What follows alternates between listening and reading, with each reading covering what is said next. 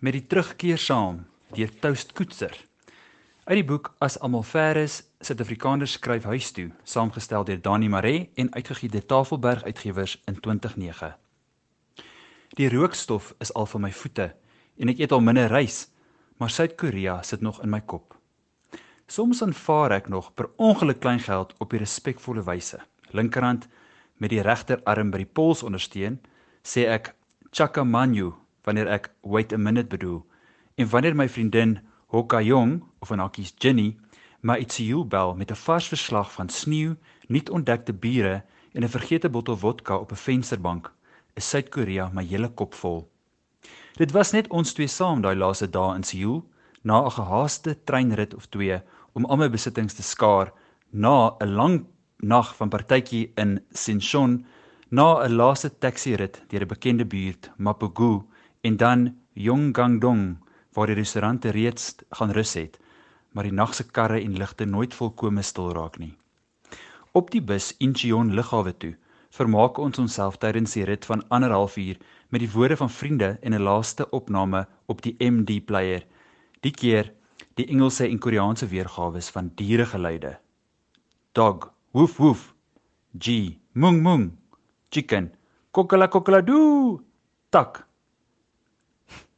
Om ons om ons strek die industriële waas van die westelike kusvlakte van die provinsie Gyeonggi met die toegeëiste Han-rivier wat die snelweg eers volg en dan wegkraak na die noorde met die braaklanderye tussen die fabrieke wat die oorblywende ribbes van die 2 weke tevore se swaar sneeu wys toe dit -22 grade was en ons pas 'n fliek oor Eskimo's gekyk het.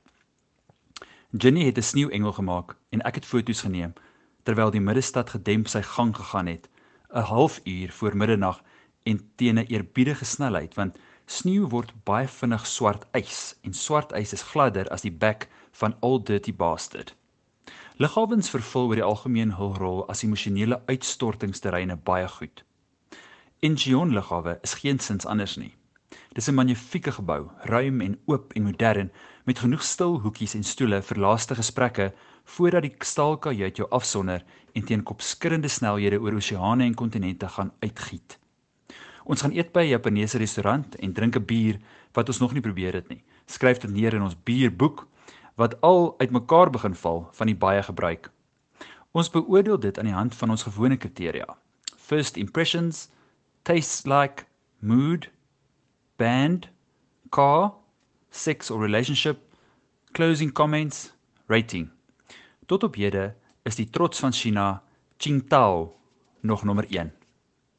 Dan word dit tyd vir totsiens sê en omdat die lughawe reeds in elke steen blink teelvloerblok en flitsende neon aankondiging die geïmpliseerde deel van ons emosies weerspieël, word dit nog makliker gemaak deur die vertroostende teenwoordigheid van honderde ander mense wat nie jou afskeid verstaan nie, maar tog respek toon vir jou spasie. Jou nie uit jou kring stamp nie, jou die oomblik en die omhelsing gun sodat wat oorbly teen die tyd dat jy jou skoene uittrek vir die ekstra masjien bloot saaklikheid is. Die fokus van die reisiger wat kort kort tas na sy na sy reisdokumente, sy beursie, wat wonder of hy sy naalknipper in die check-in luggage gesit het en die ligte reuk van haar hare wat steeds aan jou trui, baadjie, kamera baadjie en jas vassit. Nes Rion, haar verneynige kat se vervloekste hare, die wit hare wat my seker sou agtervolg totdat ek elke kledingstuk sorgvuldig gestofsuig het. Hierdie dinge is dit wat 'n reis na 'n verre bestemming raam, konteks en oomblikheid oombliklikheid daarin verskaf. Aankoms en vertrek. Dit snaaks hoe mens twee keer aankom en twee keer vertrek binne die bestek van die een heen en weer reis en hoe anders dit elke keer is. Die eerste keer verlaat jy jou tuisland en het jy 12 of so ure in die lug om jou gereed te maak vir die wagtende vreemdheid, byvoorbeeld Korea sonder jou proaktiewe inmenging, dis nou die plant van 'n boom, die opsweep van die evolusie, sal hierdie vreemde plek rustig voortgaan. Jy bestaan nie vir hierdie vreemde plek nie. Die vreemde plek bestaan vir jou. Wanneer jy dan 'n jaar later die vreemdheid verlaat, het iets verander. Dis nie meer vreemd nie, maar deel van die oorspronklike vreemdheid sit nou binne in jou vas, sodat jy nou weer daai 12 ure moet gebruik om jouself gereed te maak vir die oënskynlike normaliteit van jou tuisland. As ons nou in die Pentagon was, sou ons dalk kon sê dat ons aanvanklik 'n known known verlaat het en toe 'n unknown unknown entiteit besoek het. dat dit met die tyd 'n known unknown geword het en dat ons met ons terugkeer onsself moet staal vir die effe unknown known.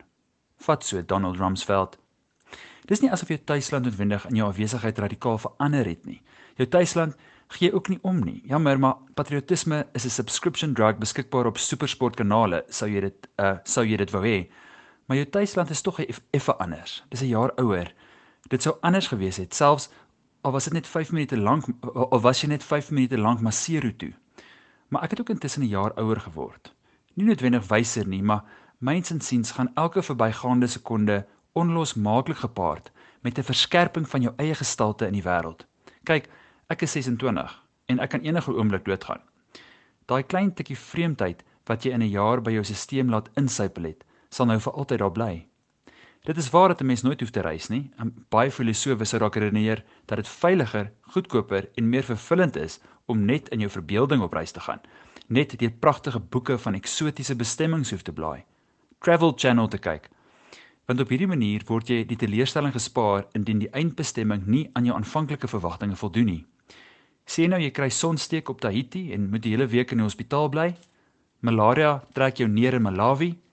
Iemand steel jou reisdokumente in Indië. Om op reis te gaan is nie noodwendig 'n wonderkuur vir verveling, depressie of ongelukkigheid nie. Dit is dinge wat ons altyd met onsself saamdra en 'n verandering van dekor beteken nie dat dit verdwyn nie. Wat 'n radikale verandering in dekor, um hiermee bedoel ek plek, mense, taal, werkomstandighede oor 'n verlengde tydperk wel vir 'n mens kan doen, is om 'n deur na 'n voorheen onsigbare parallelle bestaan op 'n skreefie oop te maak. In 'n vreemde nuwe wêreld waar die taal en stadsorde aanvanklik oorweldigend en intimiderend is, waar jy 'n soort werk doen waarvoor jy nie uitgeknip is nie, waar jy van voor af vriende moet maak en bande moet smee, hier kan jy jouself herontdek. Jy kan dele van jou verlede gerieflikheidshalwe vergeet. Jy kan jouself probeer vorm as 'n ander soort mens as die een wat jy in jou tuisland was. Dit is soos 'n rol om 'n rol in ER te vertolk direk nadat jy jare in Cheers te sien was. Dit is ongelooflik hoe oënskynlik dalk karaktervormend stil sit in 'n grys park kan wees. Dat hoe meer jy sien en ervaar, beteken dat jy meer en meer begin weet oor jouself in die komplekse wêreld waarin jy beweeg.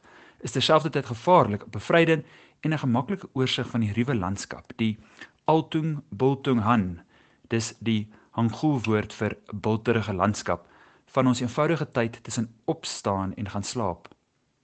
In die vliegtyg gee jy jou oor aan die charme van die Singapore Air lugvaardinne wat sekerlik in besit moet wees van die Tannie Molly gasvryheidswisseltrofee en almal met 'n gelyke hand bedien. Nooit vra hoekom jy so baie sweet nie en ook aan die klein plesiertjies van die tydelike samehok van mense in so 'n klein ruimte. Soos byvoorbeeld om te probeer uitpleis wat die Russiese pa en seun langs jou vir mekaar sê en watter artikels hulle lees in die Amerikaanse koerante tussen hulle en watter in-flight entertainment hulle besig hou. By Singapore moet jy van vliegtye verander. So dit verge gedrafstap van die een hek na die volgende, kilometers ver, so voel dit, met my dik lae klere skielik 'n sweet plaas in die subtropiese stad se 27 grade en is 1 uur in die oggend. Dan sit weer die lug in. 30000 voet is ver as jy sou kon afkyk, maar gelukkig bied die donker nag min geleenthede. Gou-gou is Indonesië agter ons en net die oseaan, geknakte bloedsirkulasie en reghoekige maaltye in gestileerde asbakkies staan in ons pad voor ons Madagaskar en dan die Mosambiek-kanaal teen sonop oorsteek. Onderweg kyk ek 'n Jack Black fliek, die hoogtepunt van die rugby wêreldbeker, alles nuus vir my, en Jamie Oliver wat my seker vir ewig aan Ginny sal herinner. Lees The Aquariums of Pyongyang klaar en kry 'n onrustige 2 ure se slaap in terwyl die ouerige Chinese egpaar langs my dit met die vrede van klippe wat wag vir 'n mens om hulle om te keer sodat albei kante die lig kan sien. Ons het op 'n kunsmatige manier tyd gewen, resies teen die spoed van die aarde terwyl die dag breek soos 'n tsunami op ons hakke bly voor ons ons weer oorgee aan swarte krag en die swaarmoedigheid wat kom saam met wentelbane, die wetenskap en die tergende neiging van die moderne brein wat te gereeld aanneem dat emosie van sekondêre belang is en dat geluk op sy beste die teenpool is van wat prakties uitvoerbaar is oor 'n lang tydperk. Dit is vir my die grootste plesier van 'n langtermyn of eerder 'n lang afstand vlug. Ek het byna geen sin van vrees tydens die hele onnatuurlike verplasing nie. Ek vrees nie terrorisme of bomme nie, nie tifone of orkane nie, nie mechanical failure of deep vein thrombosis nie. Dis asof jy reeds dood is wanneer jy jouself vasgorde in 'n sitplek met die wete dat jy iemand 'n paar duisend rand betaal het om jou op 'n ander kontinent te gaan aflaai. Ek het nog nooit 'n near death experience gehad nie, maar ek dink mense wat hulself oorgee aan dinge soos vliegtye en meer irrasioneel bungee toue, valskerms en gewere, is dieselfde tipe mense wat goeie ehm uh, sam samurais sou kon maak, want 'n samurai moet elke oggend wakker word met die wete dat hy vandag kan sterf aan die lem van 'n swaard, byl of ander knoetserige moordinstrument. 'n Vliegtuigrit oor tydsgrense heen is dis 'n blanko spasie vir my verbeelding om in te rus. Die verdwaaste oogknip verleng tot 12 ure voordat die knoetserige voorwerp my teen die slaap tref. Om altyd bewus te wees van die dood is om die geluide van voeltjies in die skemer opnuut te waardeer. Op Johannesburg is die droë dag reeds 'n halfuur lank aan die gang met die lang skaduwees van bagasiekarweiers wat vinnig korter raak terwyl dienspersoneel aan boord kom om skoon te maak. 'n Uur later is die vliegtuig amper leeg met net 'n paar van ons wat nog Kaapstad toe moet vlieg. Ons maak 'n wye draai oor die Vrystaat en die Noord-Kaap, dan sirkel ons oor die Boland voor ons land, effens laat, maar nie 'n oomblik te vroeg nie. Die laaste hekkie lê nou voor, douane. Ek vat die groen lyn en maak dit net net deur. Niks om te verklaar nie. 'n Infameleun, maar wie het nog nooit daai kans gevat en gewen nie. My suster ontmoet my buite en nadat ons die kar moet gejumpstart kry omdat sy die ligte aanvergeet het, is ons op pad met die verblindende skerp lig om ons wat my laat in een krimp soos 'n mol in 'n microwave. Die son wat my teer vel elke sekonde rooier skroei. Ons slaap daai aand in die reservaat waar my suster werk, in 'n ou plaashuis sonder ligte. En wanneer ek my tweede warm milk stout drink, gekoop onder die aanmoediging van 'n medebebaarde in die Montetjie bottelstoer met die sterre bo, die nou en dan geluide van 'n windpomp en traffende honde, besef ek ek's terug en dis 'n goeie ding. Toast Koetser is in 1977 op Kraddock gebore. Nadat hy sy journalistiekgraad aan die Rhodes Universiteit verwerf het, is hy herwaarts en derwaarts tot hy homself in Kaapstad gevestig het. Hy werk tans, dis nou toe die boek uitgegee is in 2009 en hierdie essay wat ek voorgeles het, het in 2004 op litnet.co.za uh, eh, verskyn. Wil ek net weer herhaal, hy werk bedags vir die reistydskrifte Weg en Go en snags hou hy homself besig met sy musiekgroep The Buck Fever Underground. Hy is ook mede-redakteur van die oudste Afrikaanse tydskrif in die heelal, Ons Kleintjie. Hy het in 2003 in Suid-Korea Engels onderrig.